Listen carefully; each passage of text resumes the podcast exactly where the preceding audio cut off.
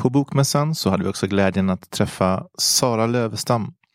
Hon skriver lika roligt och initierat om relationer som om grammatik.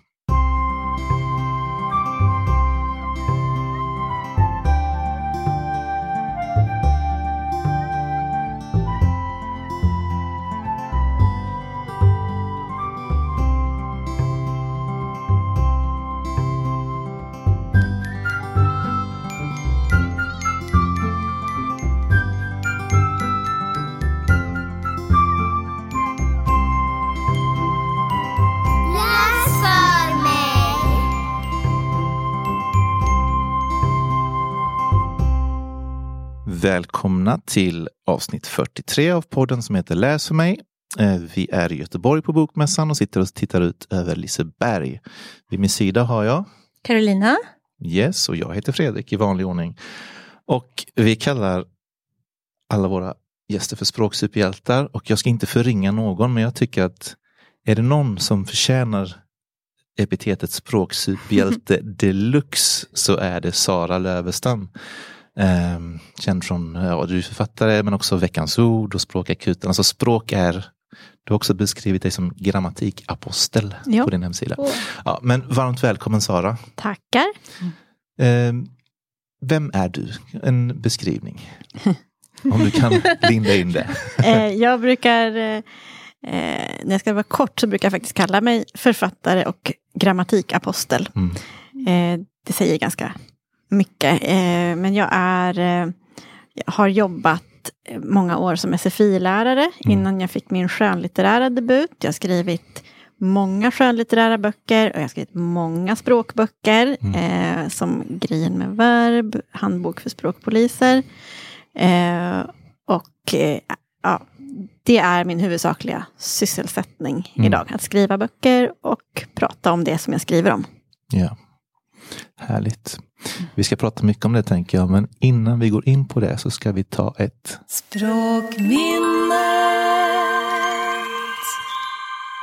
Mm. Du har ju säkert en miljard att eh, välja på, men om du får välja ett. Ja, det har jag verkligen. Men jag tar ett gulligt språkminne. Det kommer från när jag var liten. Jag har två småsystrar. Mm. Eh, och jag och den ena var då väldigt nära eh, och delade rum. Och hon brukade fråga på nätterna när vi skulle sova så frågade hon Är du vaken? Eh, och så svarade jag Ja. och sen så gick det någon minut så bara, Är du vaken? Ja. Eh, och sen, så då tänkte jag vi ger det här en twist och gör det lite roligare för mig. Så att jag sa till Elin nästa gång som du ska fråga är du vaken? Då ska du säga pip. Och då betyder det är du vaken på vårt hemliga språk. Och då så ska jag svara ka om jag är vaken. Om jag inte är vaken då svarar jag inget. Nej. Så blev, på kvällarna låg vi så här pip, ka, pip, ka. Och så började faktiskt mitt första hemliga språk. Ah, Okej, ja, vad häftigt. Vad roligt. Ja, eh, tack för det. undrar om det var, undrar om det är det mer skönt att höra ett pip än att höra är du vaken? Eller var det bara en... Alltså det triggade ju, det var, det, det var ju tri, triggade någon sorts lustcentra hos ja, mig. Ja, Så, att, så det blev roligt istället Mm. för att vara jobbigt. ja, just det. Eh, Mm. Så det var ja, men helt enkelt gamifierat kanske man Ja, ska säga. att det det. var. Ja. Eh, var det. Eller i alla fall en parallell till gamifiering. Ja, att, det. att man i- i- ja, gör någonting lite roligare än vad det var tidigare. Mm, precis. Mm. Mm. Eh, kul. Tack för det. Men vad är det som är så fantastiskt med språk? Varför är det en så stor passion hos dig? Det är nog att eh, det är det vi har. Det är det, jag vet inte ens var jag ska börja. Men språk är det som gör att vi kan kommunicera med varandra. Mm. Och det är ju så komplext också språk.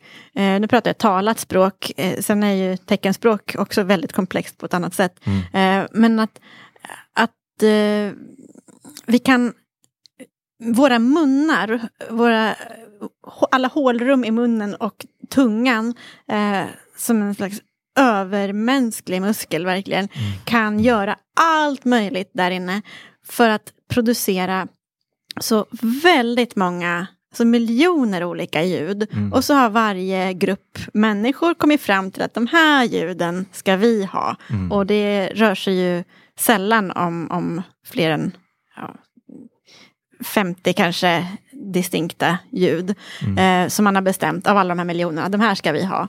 Eh, och så formulerar man med dem ord som går ihop till meningar och så finns det grammatik i alla språk. Mm. Det finns sätt att uttrycka relationer till, alltså komplexa relationer mellan nutid och dåtid och mellan olika personer och saker. Och, eh, jag förstår inte hur man inte kan vara fascinerad av det här. Nej. Att det är det vi använder för att få till ett samhälle, vilket vi gör. Vi är ju flockdjur. Och helt beroende av kommunikation. Och så är det det här vi använder, våra små tungor i våra små munnar. Eh, och nu, ja, de senaste 5000 åren kanske också eh, skrift. Eh, för, att, för att åstadkomma saker som, det här, det som, den här podden skulle inte finnas, dels för att då ingen skulle kunna säga något i podden. eh, men också för att eh, ingen skulle ha uppfunnit mikrofonen. Och ingen skulle ha uppfunnit komponenterna i mikrofonen. Ingen skulle upp, det, vi, kan, vi är ingenting utan kommunikation. Det borde vara nästan omvänd bevisbörda. Ja, varför, Ja, varför är det varför man inte? helt... Men Men det tycker blev så, så här svindlande. Jag satt och Ja. bara lyssnade på varenda ljud du gjorde. Till slut blev det så här, "Ah, tänk att jag förstår allt. Ja. Det är fascinerande. ja, det är är ju rätt det. Ja. Men jag tänker just du har, alltså verkligen om man tänker på dina, alltid skrivande så, så, så slås mycket av att hur, hur du får allting att vara så roligt. Jag menar jag, jag har inte, jag, jag är ju en språkmänniska och Mm. jag tycker det är kul men, men att jag skulle sitta på tåget när jag pendlar och skratta högt åt en bok om grammatik. Det, det kunde jag faktiskt ändå inte ens föreställa mig. Nej. Eh, men konst, Det är en konst. Eh, hur får du Ja, hur får du det att bli så kul? Det, det är ju aldrig så att jag sätter mig och tänker nu ska jag få det här att bli kul. Och jag tror inte det blir kul då. Då tror jag Nej. det blir pedagogiska barnprogram Mm. av det. Mm. Eh, på den, det dåliga sättet.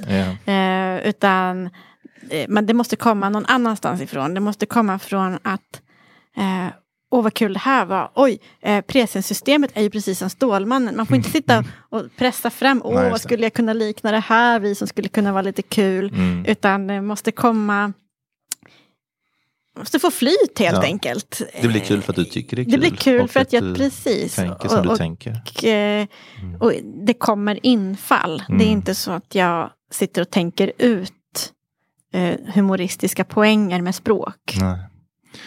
Jag lyssnade lite grann på, jag hade faktiskt missat den innan, men jag lyssnade på första avsnittet av din och Mian Lodalens podd som heter Mian och Saras Skrivarlya. Skrivarlya. Eh, Ni pratade lite grann om, första avsnittet handlade om debuten och sånt och där pratade ni mycket om det här när du skulle skriva just eh, grejer med verb då. Mm. Att tänk också att man ska inte ha en du skriver utifrån din lust och då blir det liksom bra att du ska inte ha någon du tänker inte så mycket på målgrupp eller Ja. var du ska landa eller hur så här. Um, men så tänker jag också ibland, du har ju skrivit ehm, för vuxna, du har skrivit för ungdomar, du har skrivit för barn också lite grann. Eh, men där tänker man kanske lite, eller när du skriver mot barn, tänker du något på målgruppen då? Eller måste i alla fall kanske anpassa Alltså, fin- det språket och så, eller hur? Svaret blir lite motsägelsefullt Mm. för att jag har alltid skrivit för en publik, även när jag var nio år och skrev dagbok. Mm. Så, så när jag läser den så ser jag att det här är någon som har skrivit för att i någon mån roa någon annan. Mm. Mm. Och det är ju uppenbart att jag inte skrev dagboken för någon annan. För det var ju ingen som fick läsa den. Det står ju Nej. på första sidan.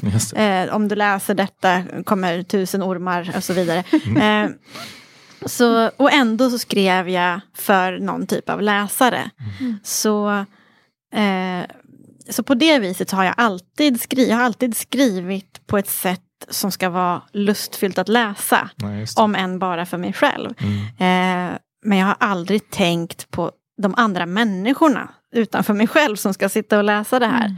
Det. Eh, Men då blir det också, när jag skriver för barn, eh, då riktar jag ju in mig på att skriva en sån text helt enkelt. Som, som, inte, som inte pratar över huvudet på ett barn. Just det. Ehm, men, men jag tycker ändå det, det är skillnad på det och att, att lite mer medvetet tänka nu ska jag göra ett Ja, just det. barnvänligt språk här. Mm, mm. Eh, jag skrev faktiskt, jag har precis skrivit en barnbok, eller precis, men den ska komma ges ut snart, Okej. eller i vår, eh, som heter Allomorferna. Okej. Eh, som är ett grammatikäventyr för barn. Okej. Eh, och då, då minns jag att min redaktör, eller min förläggare sa att ja, men du kanske ska fundera på om, om du ska använda det här ordet vämjeligt till exempel. Mm. Eh, det är kanske ett ord som inte barn förstår.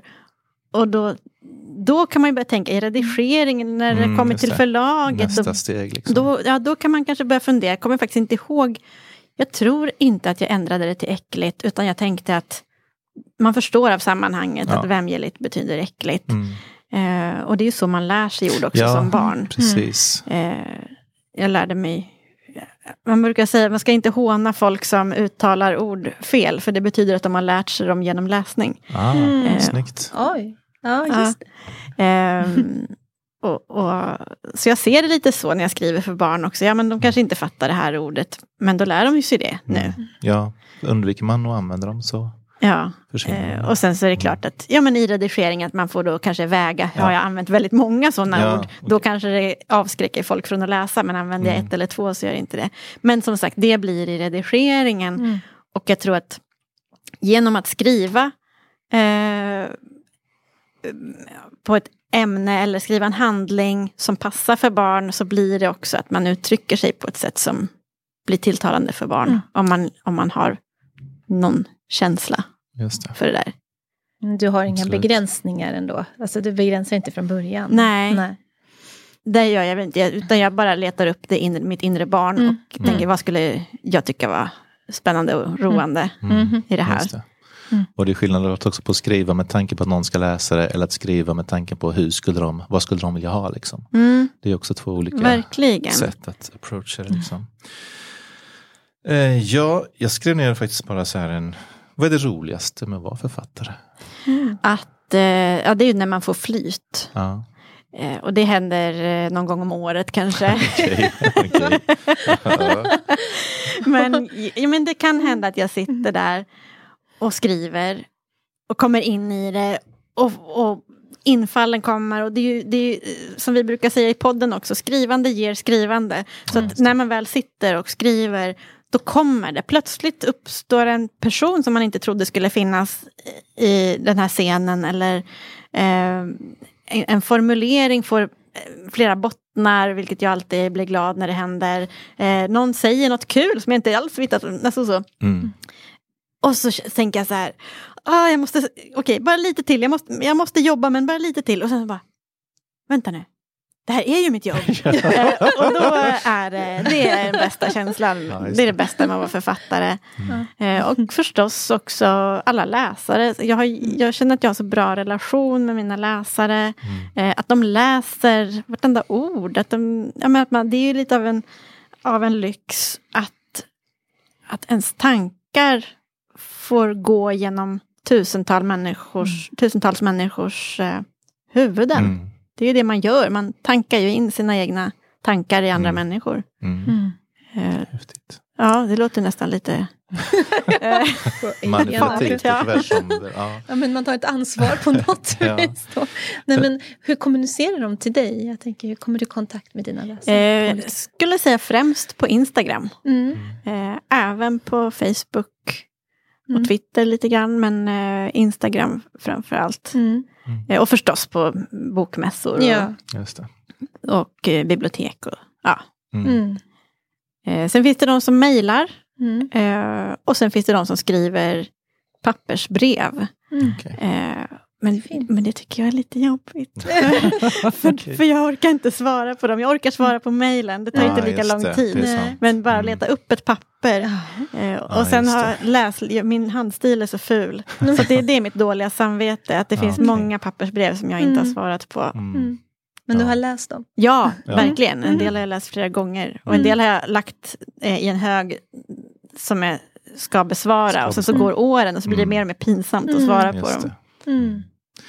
Vad är det tråkigaste med att vara författare? Att man måste ha eget företag. Ah, okej. Mm. Eh, och eh, hålla på med med momsdeklarationer och arbetsgivardeklarationer och Mm. eh, skriva fakturor och, och hålla på med administration. Det är Mm. det tråkigaste. Inte så kreativt arbete.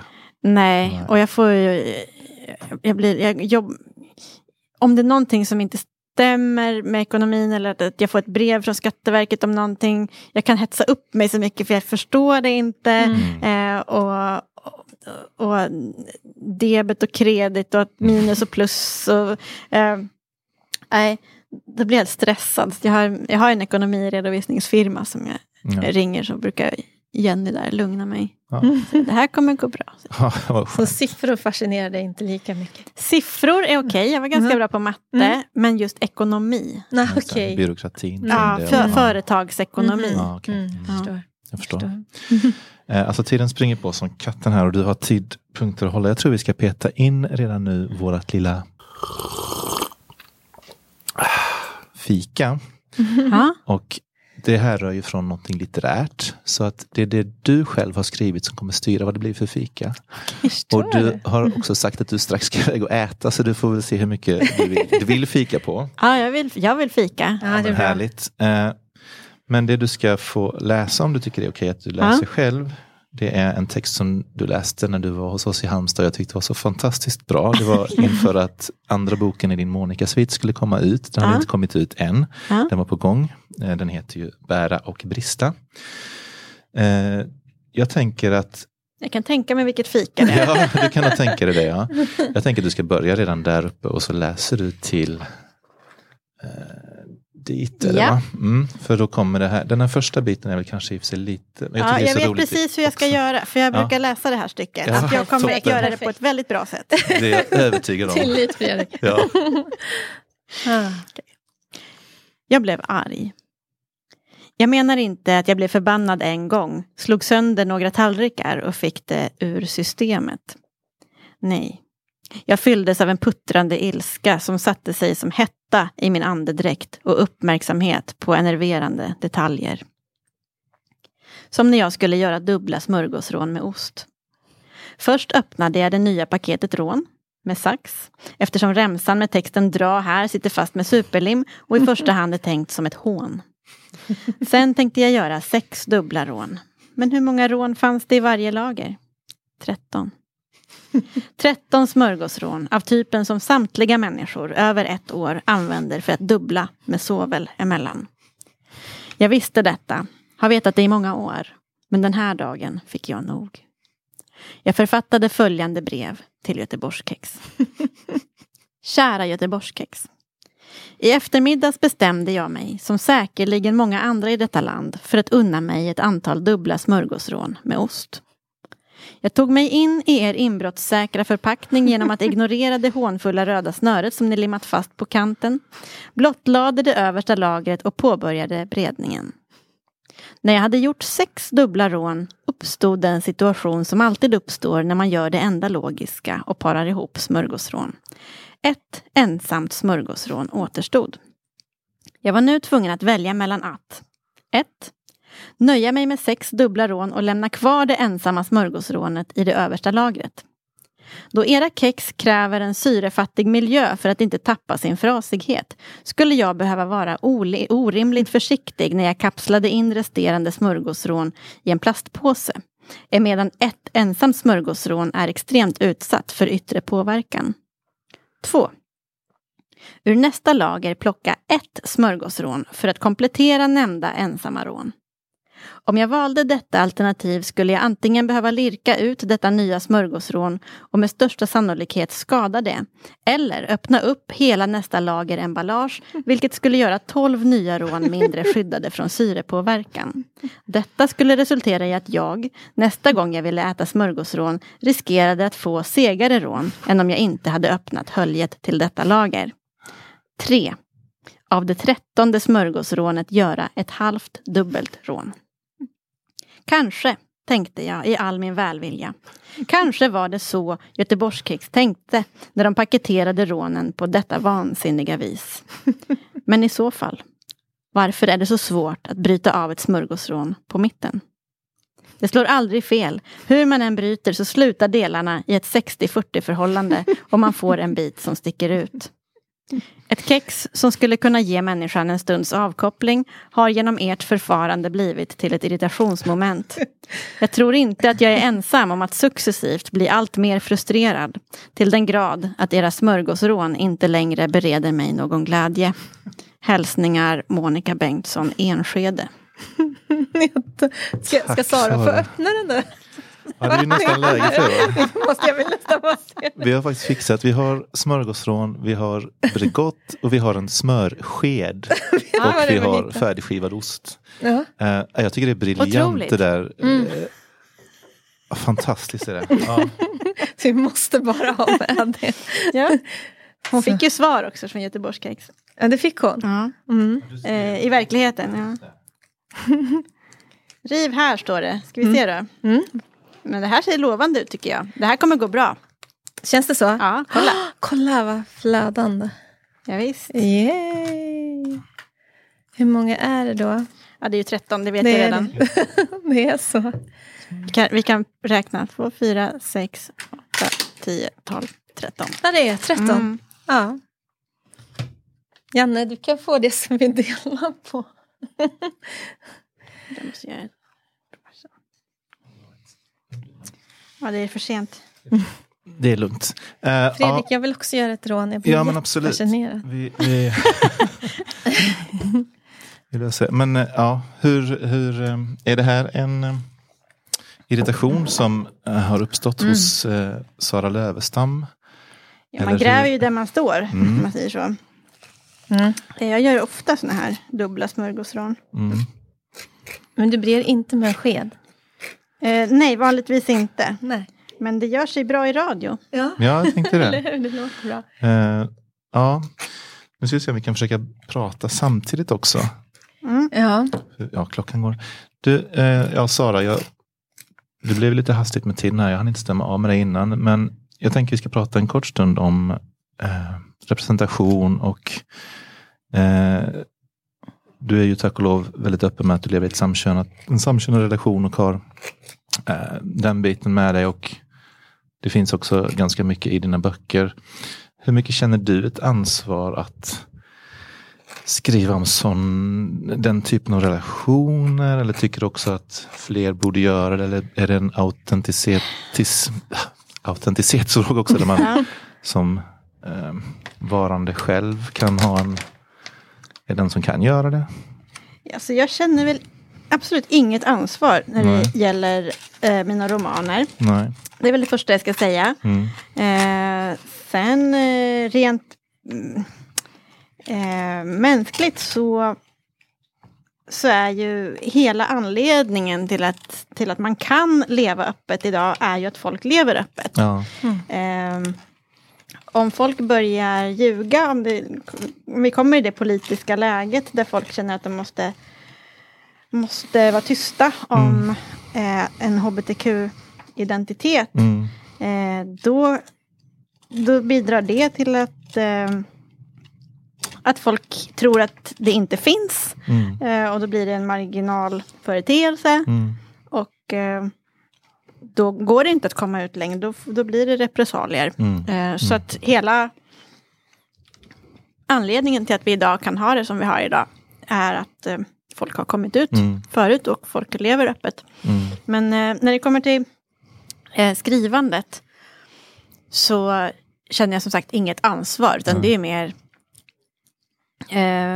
jag kan antagligen skriva bättre om lesbiska Mm. relationer än vad andra, än vad heterosexuella kan. Mm. Men jag kan antagligen också skriva bättre om lesbiska relationer än om heterorelationer. Ja. Ehm, så att jag gräver där jag står. Mm. Eh, och det skulle kännas jättekonstigt. Jag menar det här är ju Ibland är det som att folk inte tänker på det när det gäller minoriteter av olika slag. Att de är ju det hela tiden. Mm. Eh, jag är ju lesbisk på morgonen, jag äter Mm. frukost, Mm. när jag ja, tittar på tv.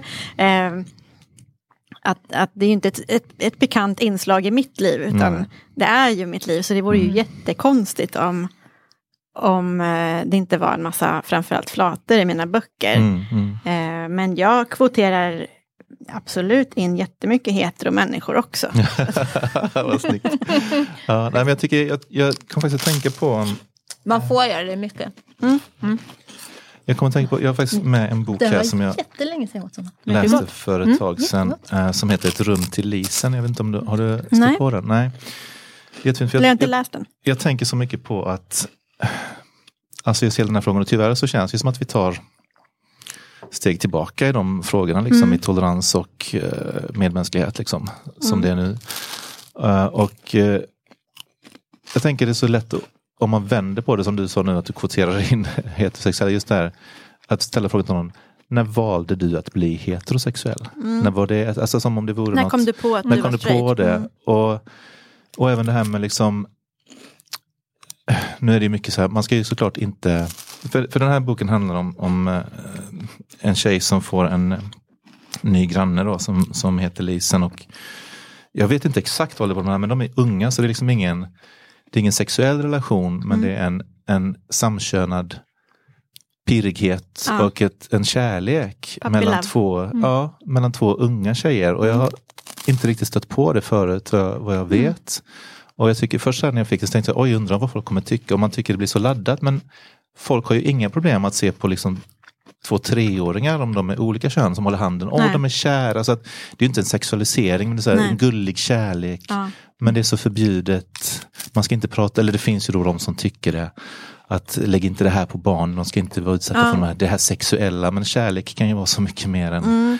än en sexuell relation. Liksom. Det är ju Och- ganska vanligt att, att eh, samkönade relationer sexualiseras oavsett ålder. Ja. Just att man säger att men, eh, man ska inte exponera barn för att det finns homosexuella. Redan Nej. där så säger exakt. man ju att det här handlar om sex. Ja men precis. Eh, vilket det ju inte gör många minuter om dagen om man Nej, säger så. nej, precis. Nej, men jag tyckte den var så fin. Ett rum till Lisen av Elin Johansson utgiven på Rabén Mm. Sjögren. Den var så, den var så en fyrbok i mörkret. Mm. Eh, En fyrbok. En fyrbok, exakt. Eh, tiden går som bara den. Vi, ska, du ska få, um, vi ser ju dig som våran, glömde jag hämta dem? Gjorde du det? Ja, jag springer. hämta dem. Som jag sa i början av avsnittet så ser vi dig som en språksuperhjälte, eller du är en språksuperhjälte. Så här får du en språksuperhjältemedalj. Oh, och du får en liten reklam för podden. eh, så att du inte glömmer oss. Mm. Och så ska skulle du... jag aldrig göra. Nej, vad fint. Och så ska du få nominera din egen språksuperhjälte.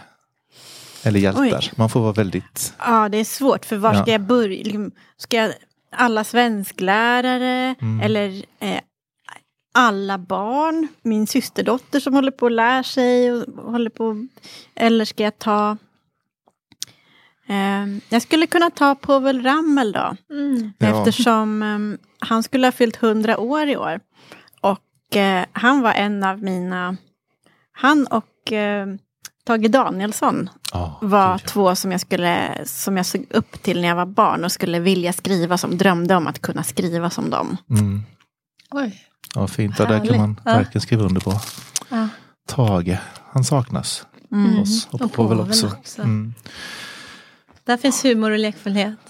Som du ja, också har. språkglädje. Ja men den är bara sprudlar. Verkligen. Mm. Mm. Alltså klockan är tre i inspelande stund. Ja. Och det är så länge vi har sagt att vi ska hålla på. Ja. För du ska iväg Sara. Beklagar, jag hade gärna suttit längre. Ja, det hade man ju vi ju verkligen gärna gjort också. Men vi är så glada att du kom och gästade oss. Mm.